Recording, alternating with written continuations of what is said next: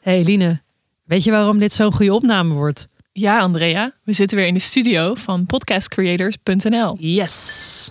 Nou, totaal niet op de inhoud, ook dat viel Ja, mij vooral op. totaal. De Dat ik inhoud wordt totaal Heb je überhaupt wel dit filmpje gekeken of reageer je nu gewoon alleen en klik je daarna weer verder? Gelukkig zijn. Hoe werkt dat nou eigenlijk? Andrea en Eline zoeken het voor je uit, samen met hun kleurrijke tafelgasten. Welkom bij de Genotcast.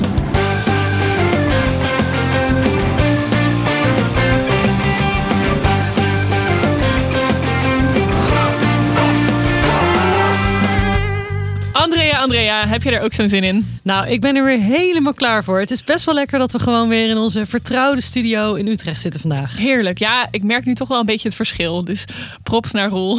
Ja, echt ontzettend. Eh, ik hoop dat jij er als luisteraar niet al te veel van hebt gemerkt. Eh, maar we hebben de afgelopen twee afleveringen hebben we niet in, eh, in onze vaste studio gedaan. En eh, ik vind persoonlijk wel dat we het echt nog steeds behoorlijk leuk vanaf hebben gebracht. Ook zonder face-to-face met onze tafelgasten zitten. Zeker. Ook die ene keer dat jij vanuit de kast, eh, vanuit Nou. de berging moest opnemen. Omdat je anders onze echo's door elkaar heen hoorde van onze Ja, stemmen. shit, dit hebben we onze luisteraar helemaal nog niet verteld. Nee, maar nee. ehm, ja, je moet je voorstellen dat Eline en ik eh, naast elkaar moesten opnemen en moesten bellen met iemand anders. Maar dat je gewoon elkaars audio via elkaar hoort en het was gewoon niet te doen. En ik ben letterlijk in de kledingkast van mijn broer gaan zitten. zodat we deze opnames eh, konden, konden doen. Ja, ja, dat hoor je allemaal niet terug hè, in de aflevering. Dus dat is op zich goed gedaan. Ja, nou eh, inderdaad zeg, respect voor mijn broer ook dat hij dit allemaal eh, heeft gefixt voor Ja. ons. Maar goed, ik ben toch wel blij dat we hier weer zitten vandaag. Ja, en we hebben best een belangrijke aflevering. Want het is niet een, een heel luchtig onderwerp. Het is best wel een Nee. serieus onderwerp. Nee, en ik, ik vind het persoonlijk ook wel goed dat er een beetje afwisseling zit in onze afleveringen. Eh, ik, ik begrijp dat we het allemaal super graag hebben over seks en over daten. Maar ja, er gaat gewoon, er gebeurt nog zoveel meer in de wereld. En eh, ik vind het best wel cool dat we het vandaag eens gaan hebben over activisme. Ja, zeker. Ehm, voordat we dat serieuze onderwerp induiken, heb jij nog wat leuke reacties op afleveringen? Oef, ja, we krijgen af en toe wel, eh, wel dingen binnen die, eh, die er met kop en schouders eh, bovenuit steken. Ehm, ja, mannelijke bevolking die luistert naar de genotkast. Volgens mij hebben we onze excuses een klein beetje nog aan te bieden, want we kregen één reactie binnen. Eh, we hebben natuurlijk een aflevering gemaakt over seks en daarin hebben we het heel uitvoerig gehad over anale seks. En eh, kijk, het, het goede nieuws is dat de vrouwelijke luisteraars heel actief met al die ideeën aan de slag zijn gegaan. Ze ook bij degene die een reactie instuurde. Het slecht nieuws was dat hij er niet ontzettend van gediend was. Eh, dat zijn vriendin opeens ja, achterin toch wel heel, heel bedrijvig werd. Sorry. Oké, wat zei hij dan precies?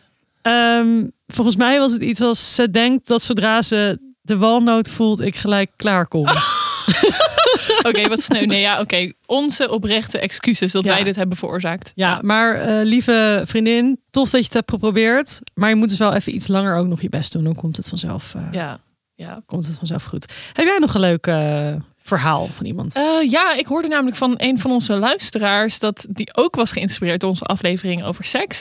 Ehm, want daarin werd door Anne verteld over een doosje waar je dan briefjes in kan stoppen om je seksleven spannend te houden met je Ja. sekspartner. Daar kon je dan allebei opdrachten opschrijven en die Ja. kon je dan af en toe een keer Ja. pakken, toch? Ja, maar nu kwam ze eigenlijk met het geniale idee om dat gewoon te gaan gebruiken, maar dan niet voor de seks. Dus gewoon voor hele andere dingen. Dus om je dateleven eh, leuker te maken of eh, gewoon je single leven misschien wel. Ja, Eh, misschien allemaal een soort van random dingen die je altijd nog een keer had willen proberen. Ja, dus maak er gewoon een soort bucketlist van. Alleen dan moet je ook echt iets gaan doen. Ja, cool. Nou, wat ik dus echt nog wel heel graag zou willen doen. En dat is eh, naar aanleiding van het gesprek dat wij in de vorige aflevering hebben gevoerd met eh, Jochem van Energy Up. Hij vertelde dat hij Daybreaker feesten organiseert. En dat zijn ja, een soort van morning raves. ehm, waarbij je op een hele gezonde manier lekker met muziek aan de slag gaat en sport. En nou, het schijnt gewoon één groot dik feest te zijn. En toen dacht ik, Eline, waarom gaan de Genotkast en Energy Up niet volgend jaar als we hopelijk weer bij elkaar mogen komen, een morning rave organiseren. Maar is dat dan met alcohol en zo? Nou, dat is dus maar eens een keertje zonder alcohol. Ja. Maar het schijnt wel super vet te zijn. Dus ehm, ik had even een poll gezet op onze Instagram, het genotkast. En ehm, ja, toch wel 80% van de mensen die heeft gestemd, die zei dat hij erbij zou zijn. Nice, nice. Ja, ik vind het wel een heel goed idee ook. Ehm, laten we dit gewoon doen als het Ja. weer kan. En hoe leuk, het allereerste genotkast-event. Maak Ja. er meteen een feestje van. Waarschijnlijk kan dit pas in eh, augustus eh, 2021. Maar goed, ja, dat zien we tegen die, die tijd wel. 2025. eh, we komen er vanzelf. En anders kunnen we misschien nog nadenken over een online editie met eh, leuke sprekers. Ja, en, ja, en moeten we Jochem natuurlijk ook wel eh, uitnodigen. ik wil dit met Jochem organiseren. Ja, ik was helemaal enthousiast van jongen. En onze luisteraars ook. Dus Ja. eh, thanks voor jullie reacties ook eh, op deze aflevering. Zeker. Is het tijd voor mijn genotsmoment? Ik ben wel benieuwd. Genotsmoment van de week. Ja, ja. Die tijd komt er weer aan, hè? Die tijd van het jaar. Eh, welke tijd van het jaar? Nou, kerst natuurlijk. Oh, ja, kerst komt eraan. Ja, Ja, de donkere dagen, het wordt kouder, eh, maar wel de leukste tijd van het jaar, denk ik. En ik heb een kerstboom gekocht, zoals heel veel andere mensen. lekker hoor. Maar ik vond het wel leuk om dat even te delen. Ehm, ik heb hem eh, bij mij in de buurt in een winkelcentrum gekocht. En ik dacht, nou ja, ik ga gewoon daarheen lopen. En dan neem ik die boom gewoon mee. Dat zal vast niet zo zwaar zijn. Dus ik die boom uitgezocht. Nou ja, leuk formaat. Ik dacht, nou ja, prima. Ik til die wel naar huis. Maar goed, dat ging niet zo makkelijk als gedacht. Ik heb die boom echt een paar kilometer gewoon op mijn schouder door Rotterdam moeten slepen. Voordat ik thuis was. Ik zie eigenlijk helemaal voor me dat je hem echt over de grond hebt gesleept. En met die stam zo naar voren getrokken. En dat je thuis kwam en dat de bovenkant van de boom eh, Dat helemaal kaal was. Ja, ja. Dat, dat was Ja. leuk geweest. Ja, nee. Bijna, ja. Ja, ja, Hij is wel nu iets korter dan je van tevoren had gepland. ja, ja, nee. Maar uiteindelijk is hij dus thuis, thuisgekomen en ehm, heb ik hem mooi kunnen versieren. Maar dat ging ook niet zonder slag of stoot, want ehm, ik had namelijk wel kerstballen gekocht, maar niet van die haakjes waar je dan die, die ballen mee kon ophangen. Dus ik moest dan weer terug naar de winkel. Weet je dat jij voor een heel intelligent persoon af en toe echt hele, hele domme dingen doet? Ja, hè? Met, dat zeg ik met liefde, maar Ja. ik denk het wel. Nee, je hebt wel een klein beetje gelijk. Maar waar ik wel benieuwd naar ben, ik eh, ben tot de conclusie gekomen dat er twee soorten ja, kerstboomversierders zijn. Namelijk de mensen die het helemaal color coördinaten en heel strak doen. En dan heb je nog de mensen die pleuren het vol met de gekste dingen. In welke categorie zit jij? Nou, die eerste wel. Ja, het eh, moet wel een beetje in mijn eh, inrichting passen. En ik hou van een beetje een sfeervolle kerstboom. Ja. En jij? Ehm, ja, ik ben ook wel zo. Ik, eh, ik hou toch van een hip, strak interieur. Wel gezellig en, en, en leuk, maar eh, ik kijk met bewondering naar mensen die al de gekste dingen in hangen. En ik denk van, ja, ik vind het eigenlijk wel heel leuk, maar ik kan dit gewoon niet aan. Ja. Ja. En heb je dan ook een piek erop? Ik vind dat altijd zo lelijk. En nu kan je natuurlijk niet meer zeggen dat je dat wel hebt. Maar ja, denk ik- Nou, ik heb geen piek. Ik heb me ook laten vertellen dat dat niet zo modern is nee, ik vind dat ook heel lelijk. Dus, Dus, eh, sorry voor alle mensen die een piek hebben op een kerstboom. Maar Ja, ja goed. eh, mocht je toch een hele toffe piek hebben trouwens, stuur ons even een fotootje. Ik ben Ja. benieuwd. ja, oké, nou genoeg over die kerstboom, denk ik. Maar eh, dat wilde ik even met onze luisteraars delen. Ja, en ik wil wel iedereen een hele fijne kerst wensen. ja. Alright, maar we gaan het vandaag dus hebben over activisme. En ehm, nou, we zeiden het al even aan het begin. Het is echt een belangrijk onderwerp. Ik denk ook wel dat er het afgelopen jaar veel is gebeurd. Wat eh, ja, een, breed publiek heeft aangegrepen. Eh, denk even terug aan alle Black Lives Matter demonstraties. Eh, maar natuurlijk zijn er ook mensen die zich inzetten voor feminisme. gelijke rechten voor mensen van allerlei soorten religies of seksuele overtuigingen. En wat heb jij nou alvast over dit onderwerp ja, opgezocht? Nou, dat zal ik je eens vertellen. Feitjes van Eline. Nou, ik vond dit onderwerp wel eh, geschikt voor een klein geschiedenislesje. Eh, er is natuurlijk heel veel gebeurd in de afgelopen jaren, decennia en de afgelopen eeuw. Ehm, en ik wilde even terugblikken op eh, hoe dat dit nou precies is gegaan met het vrouwenkiesrecht. En ik denk dat de meeste mensen wel weten dat vrouwen in Nederland pas kiesrecht kregen zo rond eh, 1918, 1919. Ehm, eerst kregen vrouwen het passief kiesrecht, waarbij ze dus verkozen mochten worden ehm, in de politiek. Dat was in eh, 1917. Eh, maar toen hadden ze nog geen actief kiesrecht, dus ze mochten ze eigenlijk nog niet stemmen. Dat kwam pas later. In, eh, officieel in 1919 werd dat ingevoerd. En dat betekende dat zowel mannen als vrouwen dus eh, dezelfde kiesrechten hadden vanaf dat moment. Nou, dan denk je dus, vanaf die tijd kan het alleen maar beter worden. Eh, vrouwen hebben kiesrecht. Eindelijk. Eindelijk, ja. Eh, we gaan een stap vooruit. Ehm, ja, dat was echt een revolutie in die tijd. En wat er daarna gebeurde, dat verbaasde mij eigenlijk wel. Want ehm, en ik moet hier even credits voor geven aan een, een vriendin van mij. Die postte hier iets over op Instagram eerder deze week. En dat viel mij op. En dat ging namelijk over het feit dat in 1924, dus een paar jaar nadat het vrouwenkiesrecht werd ingevoerd, um, een wet werd aangenomen dat alle vrouwen die jonger dan 45 jaar waren, um, niet meer voor de overheid mochten werken vanaf het moment dat zij gingen trouwen. Oh, wow. Ja, dus dat was na de invoering van het vrouwenkiesrecht. Uh, maar dat betekent dus eigenlijk dat mensen die, vrouwen die voor de overheid werkten, eervol werden ontslagen. Eervol, nou ja, tussen haakjes. Ja. vanaf het moment, vanaf de dag dat zij getrouwd waren met een man. Ja, dus uh, het is echt kiezen voor je werk op dat moment of kiezen voor ja, een, een gezin. Ja. En ik vond dat zo bizar dat ik dacht, wow, uh, daarmee gingen we dus eigenlijk wel heel erg weer een, een stap terug in. Uh, ja, het voelt, het voelt als een hele, hele vreemde timing. Um, maar ja, de tijdgeest toen was natuurlijk gewoon nog steeds wel echt super anders dan ook nu. Ja, ja. Um, maar dat is inderdaad wel, ik denk dat wij heel erg blij zijn dat het er nu heel anders uitziet. Ja, zeker. Maar, ja, en uh, de jaren daarna, dit heeft echt heel lang nog, uh, die wet heeft heel lang um, nog uh, is in werking uh, gebleven. Jaren daarna allemaal debatten geweest, discussies over die wet. In 1937 was er zelfs een mannelijke politicus die um, vrouwen überhaupt wilde verbieden om te werken. Ja, die zijn er nog steeds. die zijn er nog die steeds. Dat willen. Ja. ja, maar dat, dat vergeten we nog wel eens. Ja. Maar ja, we hebben natuurlijk ook gewoon nog steeds uh, een niet nader te noemen partij. waar als je naar de kieslijst kijkt, het zijn allemaal witte mannen van een jaar of 50. 60. Ja. Ja, inmiddels natuurlijk niet meer allemaal, maar wel ja, grotendeels wel. Ja. Nou, ik zat er wel toevallig een lijstje van te kijken laatst. En dat zijn echt alleen maar witte mannen. Oké, okay. ja, dat is natuurlijk geen uh, goede zaak. Um, en nou ja, de motivatie van uh, vooral de mannelijke politici was dat het onverantwoord zou zijn om uh, voor een vrouw um, om het gezinsleven te combineren met het werkende leven vanuit fysiek en geestelijk oogpunt. Uh, en die wet die is dus pas afgeschaft in 1958. Kan je nagaan. Oh, holy shit, heeft ja. echt heel lang bestaan nog. Ja, dus pas vanaf 1958 werden vrouwen niet meer ontslagen bij de overheid. Uh, dus ook leraren. Um, die, uh, die getrouwd waren. Nou ja, ik vind dat echt bizar. Maar als je even kijkt hoe de wereld er nu uitziet, dan is het natuurlijk ook nog steeds een situatie waarbij, um, nou ja, als, als een vrouw een gezin heeft en het eerste kind ter wereld komt, dan wordt er gelijk aan de vrouw gevraagd: Oh, en hoeveel dagen ga je nu uh, terug naar werk? Ja. Niemand vraagt dat aan een man. Nee, eens. Dus ik denk dat daar eigenlijk nog wel een heel grote ongelijkheid zit. Nou, dat was het eigenlijk alweer voor vandaag. Je hebt gewoon één heel ja, hele goede geschiedenisles uh, best wel een, een, even wat serieuzer. Dus uh, laten we gewoon even erin duiken. En, uh...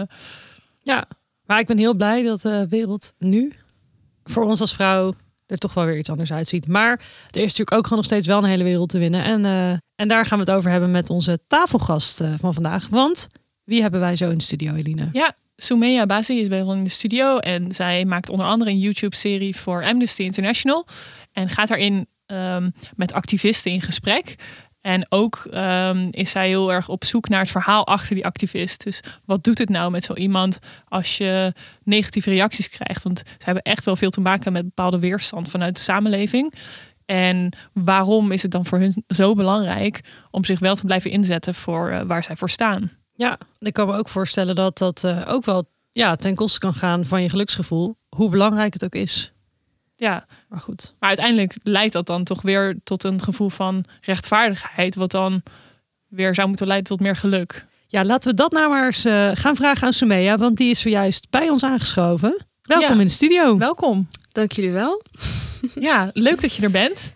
Um, het is een heel zwaar, serieus onderwerp, denk ik. Maar ook wel weer heel mooi om, uh, om het erover te hebben. Ja. En heel belangrijk ook, zeker op dit moment. Ja, dat vooral. Inderdaad, heel erg belangrijk. Ja, ja misschien uh, voor de achtergrond voor onze luisteraar. Uh, kan jij vertellen van waar jij je precies voor inzet? En ook hoe je dat doet? Waar ik me het meest voor inzet is, als ik er zo... Ik heb er eigenlijk nooit echt over nagedacht. Want um, het, voor mij is dat iets heel natuurlijks. Maar als ik daar een antwoord op moet geven, dan denk ik... Um, ja, on, natuurlijk onrecht in zijn algemeenheid.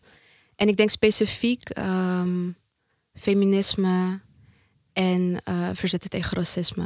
Ik denk dat die twee, natuurlijk alles is met elkaar verbonden en met elkaar uh, ja, connected. elke vorm van onderdrukking. Maar ik denk dat deze twee toch wel eh, het meest voor mij voor de hand liggen.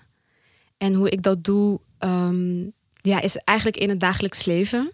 Door me uit te spreken, door dingen door over te schrijven. Ik heb ook uh, samen met Amnesty een uh, pilotprogramma gemaakt dat op YouTube staat. Het heet Even Eerlijk. En daarin interview ik eigenlijk de mens achter de activist. Ja. Um, en op deze manier probeerde ik dat ook um, ja, bespreekbaar te maken. En er wat dieper op in te gaan eigenlijk. Ja, was er een specifiek moment in je leven waarin je besefte dat jij je wilde inzetten voor thema's waar je al veel mee bezig was? En dat dat voor jou heel belangrijk was? Nou, ik ben van uh, 1996. Dus ik heb net de laatste jaren van uh, geen internet meegemaakt. In de zin dat het nog niet zo, nog niet zo groot was. Nog niet zo groot ja, was. Ja. Dus ik ben opgegroeid met uh, de groei van het internet. En het moet denk ik iets van 2006 zijn geweest. Uh, dat ik een beetje het nieuws aan het lezen was op de computer. En ik ben altijd een heel nieuwsgierig kind geweest. Dus ik las heel veel boeken, maar ik hield ook van uh, ja, actualiteit. Ik was echt een nerd eigenlijk. en uh, ja, zo, ja, dan kom je best wel snel op uh, telegraaf.nl terecht uh, als tienjarige. En dat was in de periode dat um, na 9-11 had je in Europa, in het Westen, maar en ook heel erg in Nederland. Het was een periode na Pim Fortuyn en ook ja. Bolkestein en 9-11. Dat, um, dat moslims en toen ook specifiek uh, Marokkaanse Nederlanders echt een hot topic waren in Nederland en in de politiek, in uh, maatschappelijke debatten. Talkshows zaten er vol mee. Het was echt bijna elke, ik kan me nog heel goed herinneren dat bijna elke avond uh, kon ik gewoon voor de tv zitten. Ook als Je kon kind. de klok erop gelijk zetten en het was weer in het nieuws. Ja, het was weer. Ja, en ook na het nieuws, hè, de aftertalks en um, aan tafel, uh, tafelgesprekken, et cetera. Het, het was een, ja, het was gewoon een standaard onderwerp. Ja. En dus dan ga je automatisch, want je, want je voelt je aangesproken, want je weet, oh, jij komt uit een Marokkaans-Nederlands gezin. Um, ik kom uit een islamitisch milieu. Dus je gaat uit interesse ga je dat soort dingen lezen. En wat je toen had, waren uh, reacties onder nieuwsartikelen. En uh, nou goed, die las ik toen voor het, uh, voor het eerst. En uh, ik denk dat dat de eerste keer was dat ik echt direct te maken had met um, gewoon keihard racisme en islamofobie in Nederland.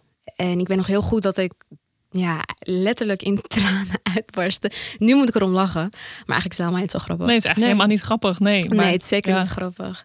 Maar ik, het, was zo, ik, het, het raakte me zo erg.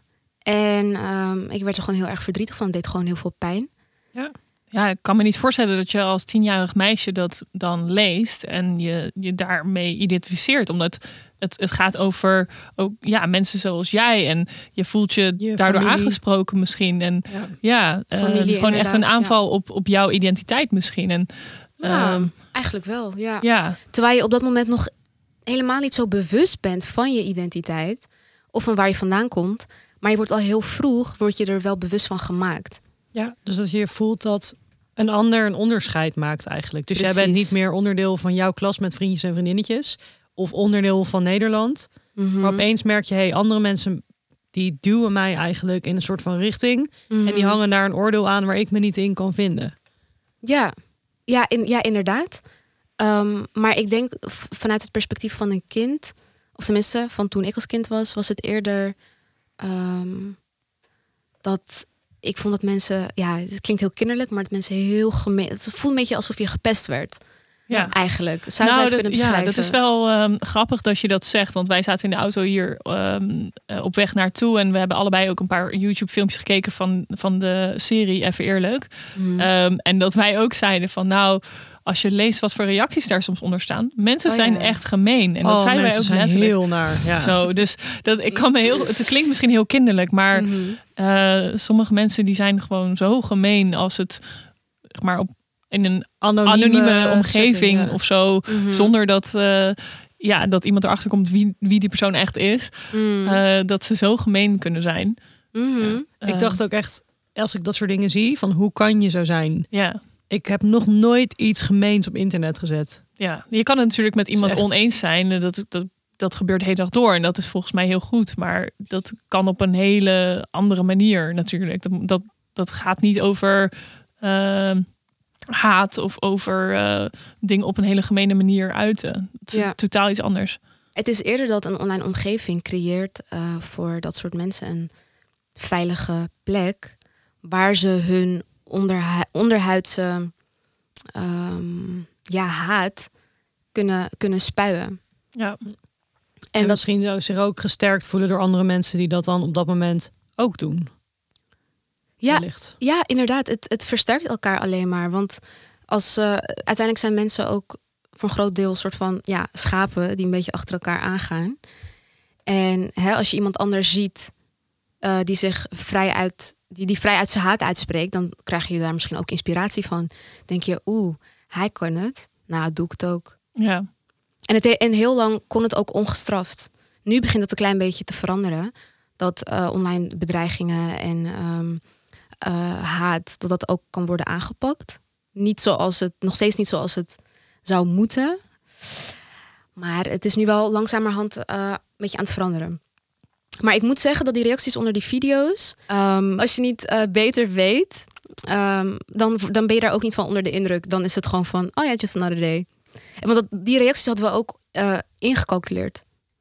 Dat, dat, dat is wat je, wat je krijgt. Ja, maar ik vind dat eh, toch wel schokkend. Kijk, Ja. laten we even heel eerlijk zijn. Eline en ik zijn natuurlijk gewoon de typische Nederlandse vrouw. Wij hebben een witte achtergrond.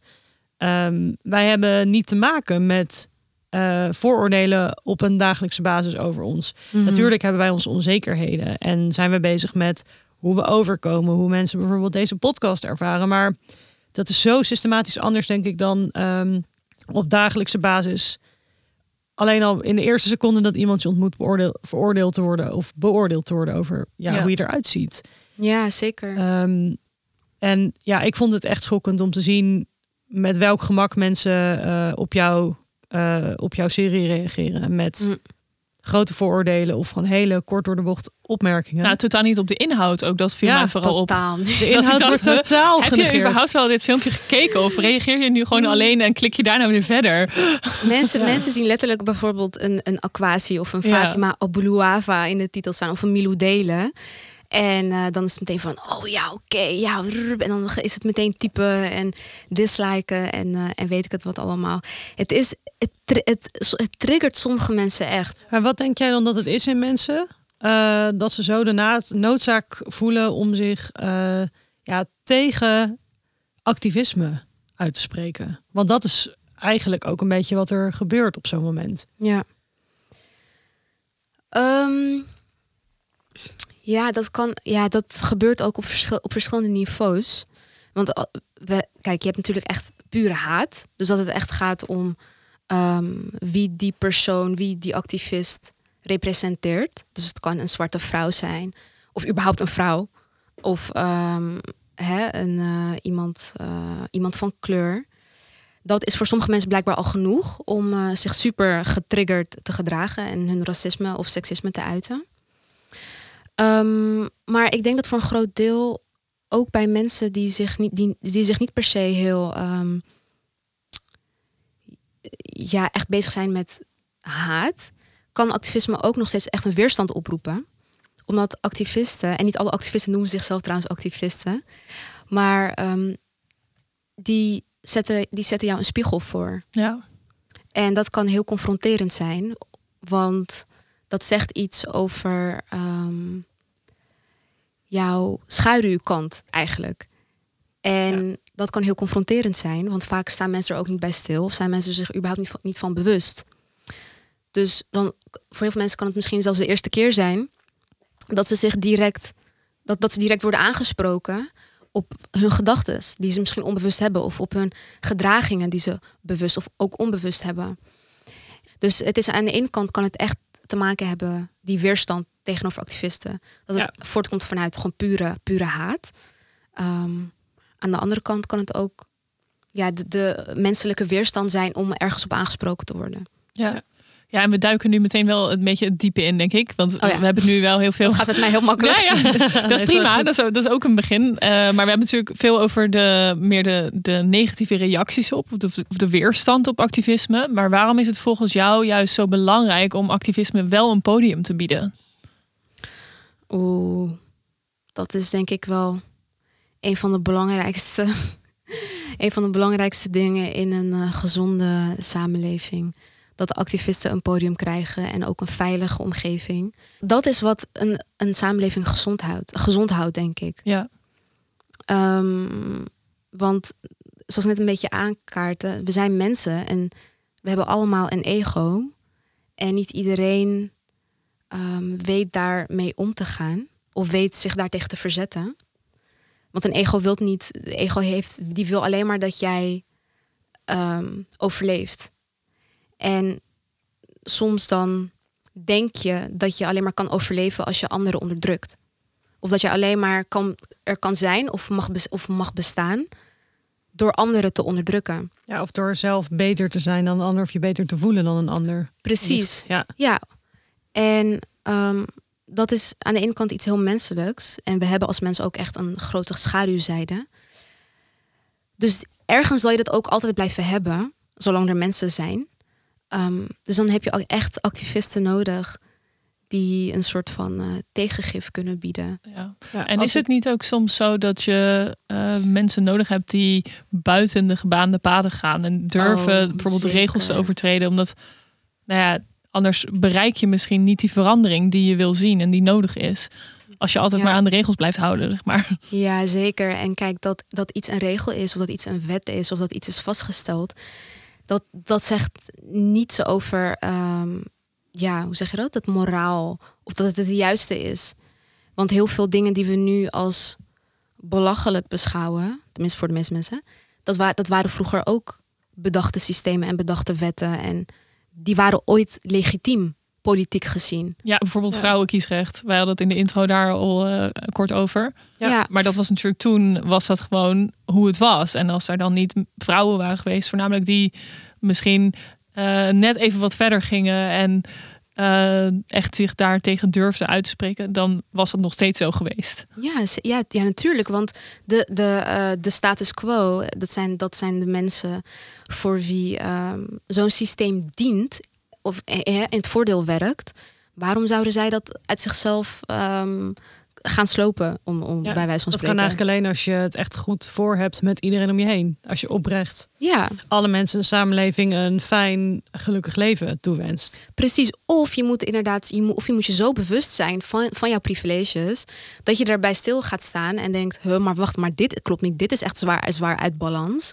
Ik moet hier iets tegen doen. Maar heel vaak, ehm, hè, als je dus geprivilegeerd bent, dan leef je zo erg in een bepaalde bubbel, dat je vaak ook niet ziet meteen, tenzij iemand jou dat laat zien, ehm, wat, wat, wat de realiteit nou eigenlijk is. Ja. Dus de stem van de onderdrukte ehm, is heel hard nodig om eh, die balans weer terug te brengen. Ja, ik denk dat het ook wel eh, goed is als wij even kort reflecteren op eh, het afgelopen jaar voor onszelf, eh, Eline.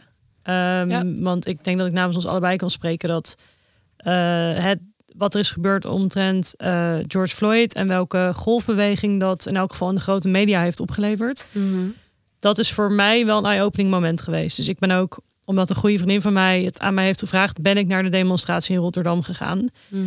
Eh, terwijl ik dat eerst niet van plan was. Niet uit onwil, niet omdat ik het niet belangrijk vond. Ehm, maar uit een gebrek aan kennis, denk ik, Mhm. als ik heel eerlijk ben. Mhm. En toen stond ik daar en ik, ik heb met tranen op mijn wangen. Ik had een zonnebril op en een masker op, dus niemand zag het. Maar ik stond met tranen op mijn wangen te luisteren naar de verhalen die ik daar hoorde. En dat is wel het moment geweest. Ik, ik heb volgens mij jou daarna ook nog gezien, Eline. Ja. Ik kon niet ophouden met praten over alles wat ik had gehoord en hoe oneerlijk ik het vond. Mhm. En dat heeft bij mij echt, ja, eh, wel geleid tot dat ik dacht, nou, ik moet meer reflecteren ook op mezelf. De- Daar hadden we het Ja. natuurlijk even eh, over. Maar dat is best wel pijnlijk eigenlijk Mhm. aan het begin. Want ja. je komt inderdaad achter van, wow, oké, tuurlijk, ik heb gewerkt op school en ik heb dit gedaan en ik heb hard gewerkt voor dingen. Maar ik heb ook heel veel gewoon in mijn schoot geworpen gekregen. En je moet toch ook even kritisch bij jezelf nagaan van oké, welke vooroordelen heb ik? Mhm. Ondanks het feit dat ik het goed heb met iedereen om me heen, eh, dat ik iedereen een fijn leven wens, dat ik niemand probeer te veroordelen, maar iedereen doet het. Ja. Ja. En eh, mag ik daar iets op aanvullen? Tuurlijk, ja. Ehm, wat heel vaak mensen. eh, er, is- er heerst echt een misconceptie over wat privilege eigenlijk betekent. Heel veel mensen die denken meteen van: oh ja, dat betekent dat ehm, alles in mijn leven altijd goed is, ehm, goed is gegaan. En dat ik nooit eh, pijn heb gekend en nooit heb geleden. En dat, dat alles mij voor de wind is gegaan. Maar dat, is, dat heeft niks met, met privileges te maken. Kijk, elk mensenleven kent zeg maar zijn ups en zijn downs. Dat geldt voor iedereen. Maar een privilege heeft te betekent letterlijk dat er een, een systeem is in een samenleving Ja. over de hele wereld die jou vanwege je huidskleur, vanwege je gender, vanwege je seksuele geaardheid ziet als de norm. Ja. En ehm, daar dus alles op, base- op baseert. Dus, hè, dus als, jij, als, jij, als jij een wit persoon bent, dan heb jij niet te maken met ehm, eh, systematische onderdrukking als racisme, want je bent wit. En hè, de, de, witte, de witte mens, dat is ehm, al, ik weet niet hoe lang, soort van de norm in de meeste samenlevingen. Wij worden niet geweigerd bij de gemiddelde club. Wij worden niet preventief gefouilleerd op straat. Als wij solliciteren, Ja. dan wordt er niet op basis van onze foto ehm, ja, een andere beslissing genomen. Nee, sterker nog, juist vanwege je naam, vanwege je huidskleur, van, vanwege je gender, Ja. word je juist gekozen eigenlijk over anderen. En dat heeft niks te maken met je, met je kwaliteiten of met je persoonlijkheid. Maar het is gewoon puur die bias die heel veel mensen hebben. Ook mensen van kleur trouwens, ehm, omdat het ge- geïnternaliseerd is. ehm, dat, dat alles wat wit is, is beter. Of als wat wit is, is veiliger. Of is eh, ja, in het ergste geval ook meer waard. Een wit mensleven is meer waard. En ehm, dat, zijn, dat zijn blinde vlekken die natuurlijk de geprivilegeerde ehm, pas bij stil kan staan. Ja. Ja. En dat heeft niks te maken met hoeveel leed of ongeluk je hebt of geluk in je leven zeker natuurlijk. niet. Nee. Ehm, want eh, iedereen kan natuurlijk bijvoorbeeld eh, een familielid verliezen. En dat, Ja. dat is hetzelfde voor wie dan ook. Mhm, mhm. Eh, maar dit gaat echt veel meer om wat er vanuit die systematische eh, onderdrukking eigenlijk, of vanuit nou ja, wat, wat er in een samenleving eigenlijk de norm is, of de Mhm. norm is geweest. Mhm. Ehm, ja, of je daar, daar dan wel of niet door onderdrukt wordt, ja. als ik het goed begrijp. Maar hoe, eh, hoe is jouw reis hierin geweest, Eline? Ehm, nou, ik moet zeggen dat ik nog wel, eh, denk ik, lerende ben. En dat, dat vind ik ook wel belangrijk. Maar ik denk wel dat dit jaar, net als bij jou, dat het me heel erg aan het denken heeft gezet. En ook dat ik wel eh, me, ja, met mezelf geconfronteerd werd. Dat ik dacht, ja, eh, shit, ik heb toch ook wel eens eh, vooroordelen over bepaalde mensen gehad, terwijl ik ze eigenlijk niet kende. Mm. Ehm, en echt dat mijn, mijn, mijn eerste indruk of mijn eerste gedachte was van... eh, Oké, eh, ik heb hier een vooroordeel en dat, dat ik daar heel bewust van was, ja. zeg maar. En dat dat steeds, ehm, Ja. eh, juist doordat het nu zoveel aandacht krijgt, dat ik er maar steeds bewuster van werd. En eh, dat is op zich goed, want daardoor uiteindelijk kan je daardoor dus gaan herkennen en ook echt eh, gaan, gaan elimineren. Ja, inderdaad. Ja, en ik ben zelf dan wel ook ehm, eh, onderdeel eh, geworden van ons DNI-team, Diversity and Inclusion Team. Juist omdat ik zelf er ja, van, van mezelf vond dat ik er meer over moest leren. En eh, ik juist daardoor ook veel meer in contact kom met mensen die zichzelf systematisch onderdrukt hebben gevoeld. En nog steeds, eh, Dat zo ervaren. ja, Ja. ja. Een kleine aanvulling of eh, een soort van correctie tussen aanhalingstekens. Nee, niet eens tussen aanhalingstekens. het is eigenlijk echt een correctie. Het is niet van dat mensen zich onderdrukt hebben gevoeld. Maar ze zijn ook daadwerkelijk onderdrukt. Ja. Ja, ja, fair, Goed fair punt. point. Ja. Ja. dat is best Ja. wel ehm, Ja. een, een, een nuance. Belangrijke nuance, ja, Ja. zeker. ja, en terecht dat ja, je en dat zegt. corrigeer Ja. ons ook vooral, want Ja. wij zijn hier ook gewoon nog heel erg zoekende in. En Ja. Hm. dat vond ik overigens wel eh, mooi dat degene die dit team ook leidt bij onze werkgever, die zei ook van ja, het gaat niet om perfectie, Ja. maar het gaat wel echt om intentie en dat je ook je best doet om eh, het verschil te gaan maken. Ja. Ja. Het, het interessante is ook wel dat mensen die wij nu als helden zien, Mhm. denk even aan een Martin Luther King of een Rosa Parks, Mhm. hoe werden die in hun tijd ervaren door de maatschappij? Ja. ja, dat waren toen. ehm, Ehm, nou, tenminste natuurlijk, als we het specifiek hebben over Martin Luther King en Rosa Parks binnen het zwarte gemeenschap, uh, werden die natuurlijk wel meteen als helden, als helden gezien. Maar daarbuiten waren dan natuurlijk uh, ruilschoppers en ehm, misschien ook wel heel bedreigend, een gevaar voor de samenleving. Ja. En um, ja, dat, dat nu, als we daarop terugkijken, er is, er is bijna niemand die dat, die dat nu vindt. Of die dat nu zegt van, nou, Rosa Parks, wat zij heeft gedaan. Maar toch meer recent. Ik, volgens mij, ik ben nu het boek van, uh, van Obama aan het lezen. Zijn nieuwste boek. Ook toen hij uh, in de running was voor zijn eerste presidentschap. Is hij, hij is natuurlijk uiteindelijk president geworden. Maar uh, ook toen waren reacties van, nou ja, voornamelijk de witte Amerikaanse bevolking ook echt niet uh, allemaal even positief. En dan echt wel heel erg op nee, niet. Uh, het feit dat een zwarte Amerikaanse man niet president van Amerika zou mogen worden. Mm. Um, daar heeft hij ook nog mee moeten dienen. En dat is niet, zo niet eens zo heel lang geleden. Nee, ja, maar ook, maar ook als we kijken naar niet, niet eens zo ver buiten de grenzen kijken, gewoon binnen Nederland. Als een, als een, uh, als een zwarte vrouw uh, het podium pakt en zich duidelijk uitspreekt. Nou, wat hier dan allemaal loskomt. Ja, Weet je, ja. nou, dus Obama was 2008. En toen bijvoorbeeld Savannah Simons de politiek inging. inging. Oef, Volgens mij was dat, was dat 2016 toch? De week, week ja, een paar jaar geleden. Het gaat echt heel snel. Ja, dat was ook echt wat er daar ook aan reacties loskwam. Dat was echt. Zo. Ja, wat denk jij dat dat dan uh, met hen doet? Want jij hebt bijvoorbeeld ook Aquasi gesproken voor mm -hmm. jouw YouTube-serie. Maar iemand als Aquasi of Sylvana Simons, wat denk jij dat dat dan uh, met hen doet?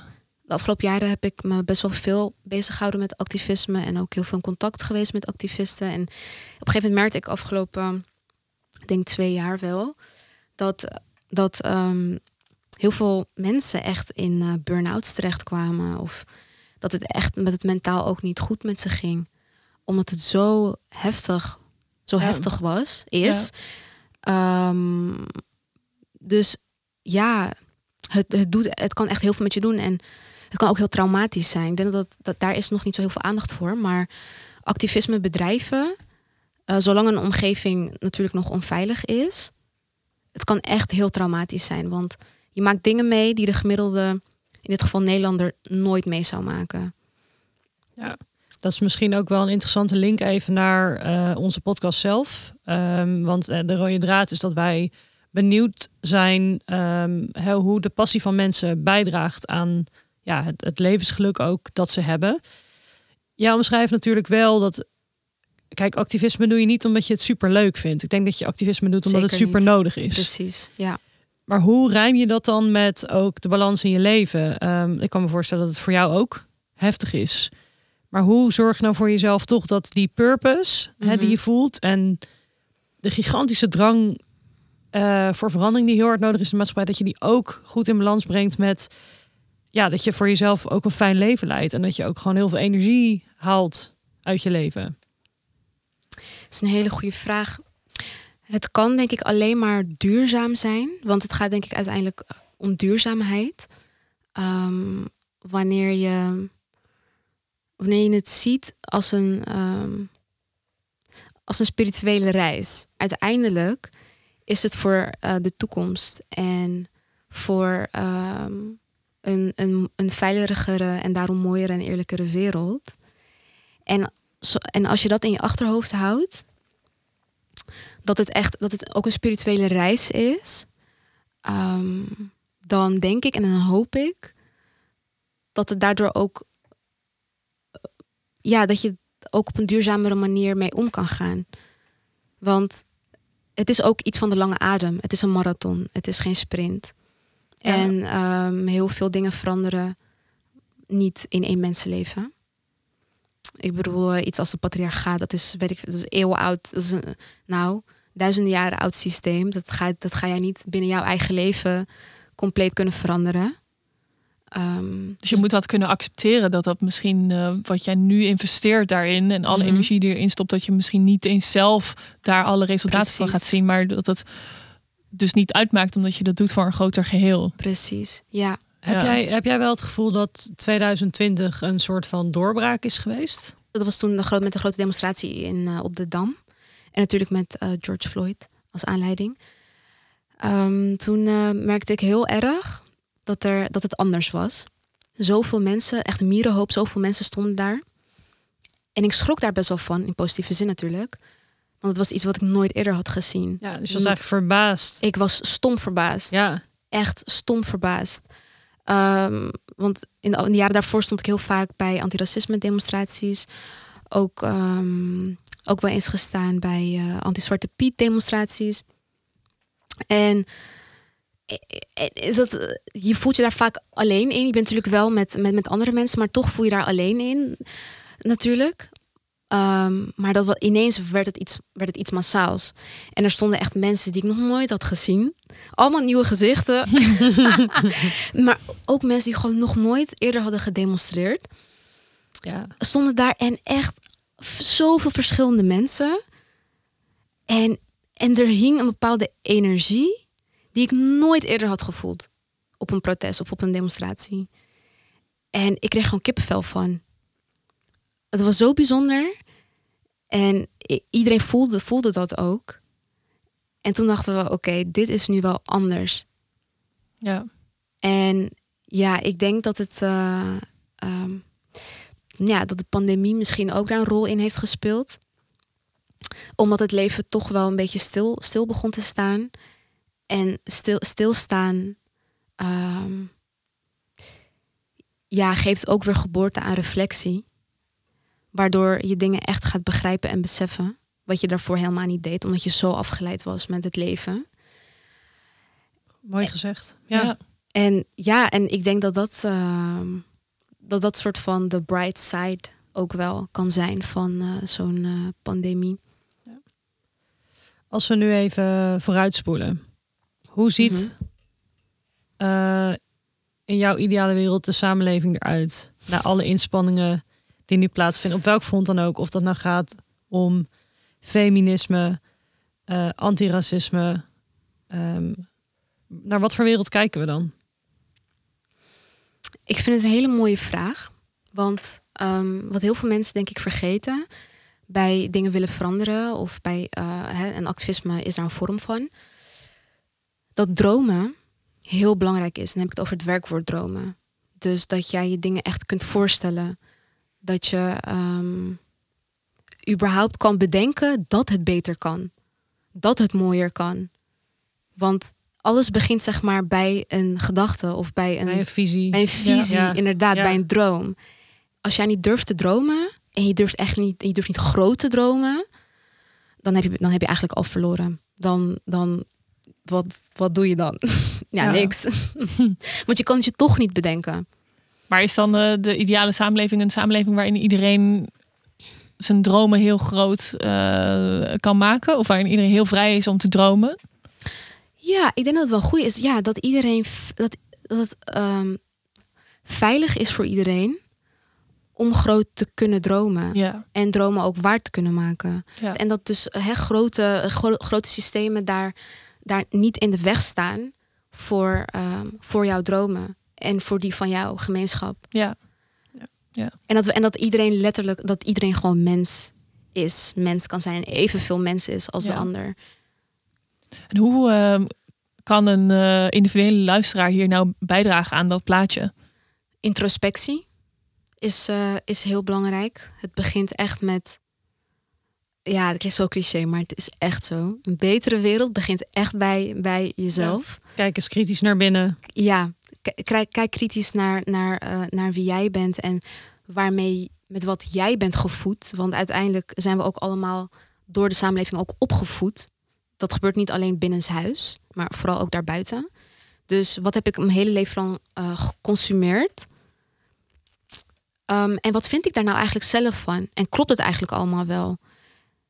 Wat heb ik eigenlijk meegekregen? En Ehm, wat vind ik daar zelf nou eigenlijk van? En doe echt research. Want we leven nu in zo'n informatiemaatschappij. Je kan alles kan je, kan je vinden. Ja. Ja. Je hoeft letterlijk te googlen wat is racisme of Ja. wat is validisme of zo. En dan krijg je oneindig veel ehm, bronnen. Ik vind het een hele mooie conclusie, denk ik. ja, ik ook. Ja, Zeker. Ja. ja, misschien wel goed om nog even samen te vatten of, of terug te linken naar hoe een ehm, samenleving waarin er echt ruimte is voor activisme, hoe dat dan uiteindelijk leidt tot een uh, gelukkige samenleving. Hm. Ehm, Nou ja, probeer ja. je eens een samenleving zonder zo ontzettend veel haat tussen mensen onderling. Nou, dat zou fantastisch zijn, toch? Als iedereen van elkaar zou houden en eh, Ja. dat, dat het gewoon allemaal. Kijk, oké, het is misschien een utopie, want natuurlijk gaan er dingen mis. En maar een samenleving waarin er in ieder geval eh, ruimte is om jezelf te zijn en dat je niet zorgen hoeft te maken eh, om gewoon hele basic dingen van je identiteit. als je de deur uitgaat, of dat je gewoon kan doen wat je wil doen. En niet daarin wordt krijgt die je ja, verdient. Ja. tegengehouden doordat je een man bent of een vrouw of van kleur of een bepaalde geaardheid hebt. Dus lieve luisteraar, laten we allemaal wat aardiger voor elkaar zijn Ja, en wat minder oordeel over elkaar hebben. Nou dankjewel eh voor dit mooie gesprek, Somea. Ik ben blij dat je bij ons bent aangeschoven. Dank jullie Ja. wel voor de uitnodiging. Ik vond het ook een heel mooi gesprek. En eh, nogmaals, je spreekt mijn naam echt heel goed en mooi uit. Dank je wel. Opgeoefend, ja. Nee, ik, eh, je hebt ons eh, weer aan het denken gezet om eh, verder te gaan met, eh, met het opdoen van kennis en eh, de reis naar een inclusievere samenleving. En eh, ik hoop Ja. dat onze luisteraar ook met die boodschap straks deze podcast weer, weer afsluit. Ja, Ik hoop het ook. Nou, Eline, ik denk dat het na dit gesprek eh, duidelijk is dat er nog eh, een hoop winst te behalen valt in de wereld. Maar zoals altijd heb ik ook twee nieuwtjes voor je gevonden van dingen die al wel heel lighthearted zijn, positief zijn en die goed gaan. En die eh, wil ik graag met je delen. The Good News Show. Nou, je zei het al aan het begin van deze aflevering, maar kerst staat voor de deur. En mensen hebben nu natuurlijk hun kerstboom opgetuigd. En ondanks het feit dat het in Australië zomer is tijdens de kerst, zijn er ook kerstbomen. Maar één mevrouw uit Adelaide kreeg wel een hele bijzondere versiering in haar kerstboom. een man, een man. Dat zou ook heel leuk zijn. Eh, daar, kun, daar meld ik me ook graag voor aan. Een man in mijn kerstboom. Met een piek. Maar eh, daar wil ik wel een piek op zien. Maar eh, nee, zij had opeens een koalabeer in haar kerstboom. Oh, wauw.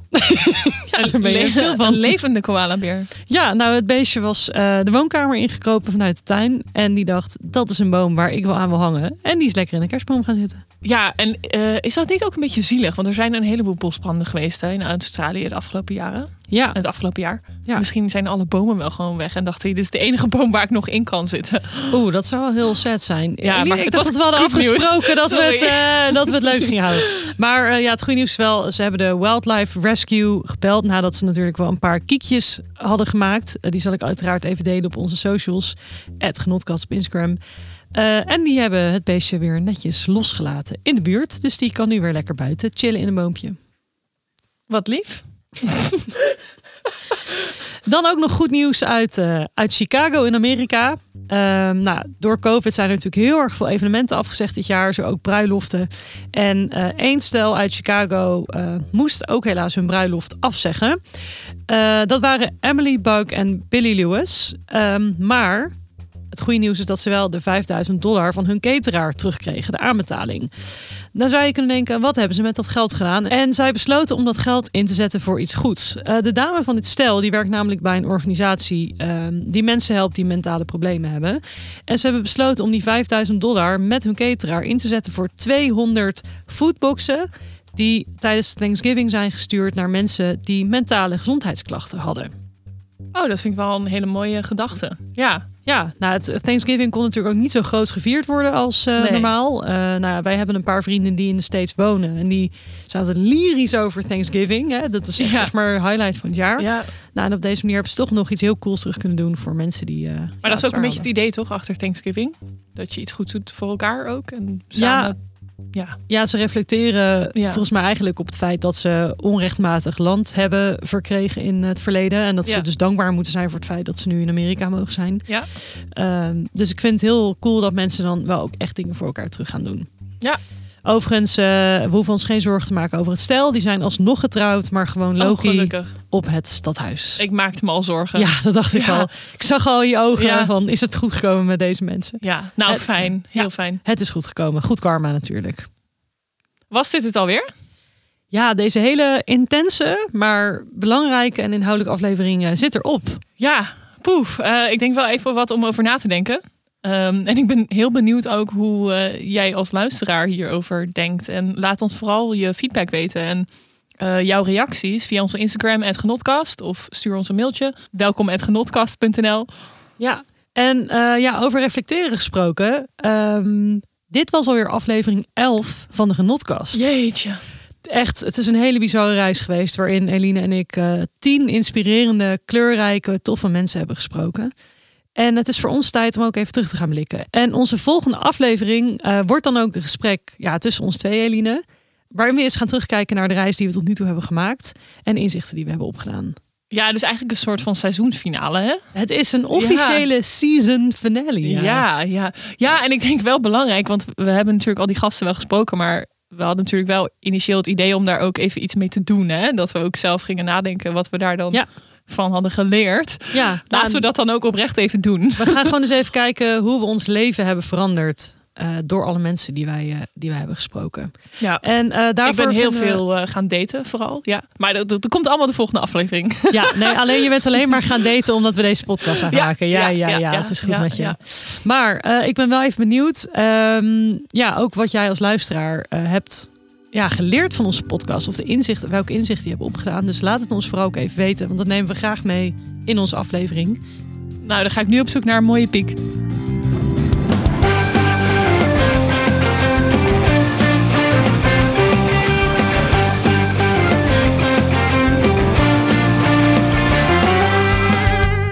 Lieve gelukzoeker, dankjewel voor het luisteren naar aflevering 11 van de Genotkast. Luister je nou op een Apple device, dan kan je ons een heel groot plezier doen door een review over onze podcast achter te laten. Ehm, vier of vijf sterren doen wij totaal niet moeilijk over. En schrijf vooral ook een leuk verhaal over waarom je graag naar de Genotkast luistert. Dat helpt ons om ehm, ja, weer meer luisteraars te krijgen. En dan kunnen wij nog veel meer afleveringen voor jou maken. Dus dankjewel voor het luisteren. Tot over één week tijdens de season finale van de Genotkast. We zien je graag dan weer terug. Joejoe! En het is ook zulk lekker weer.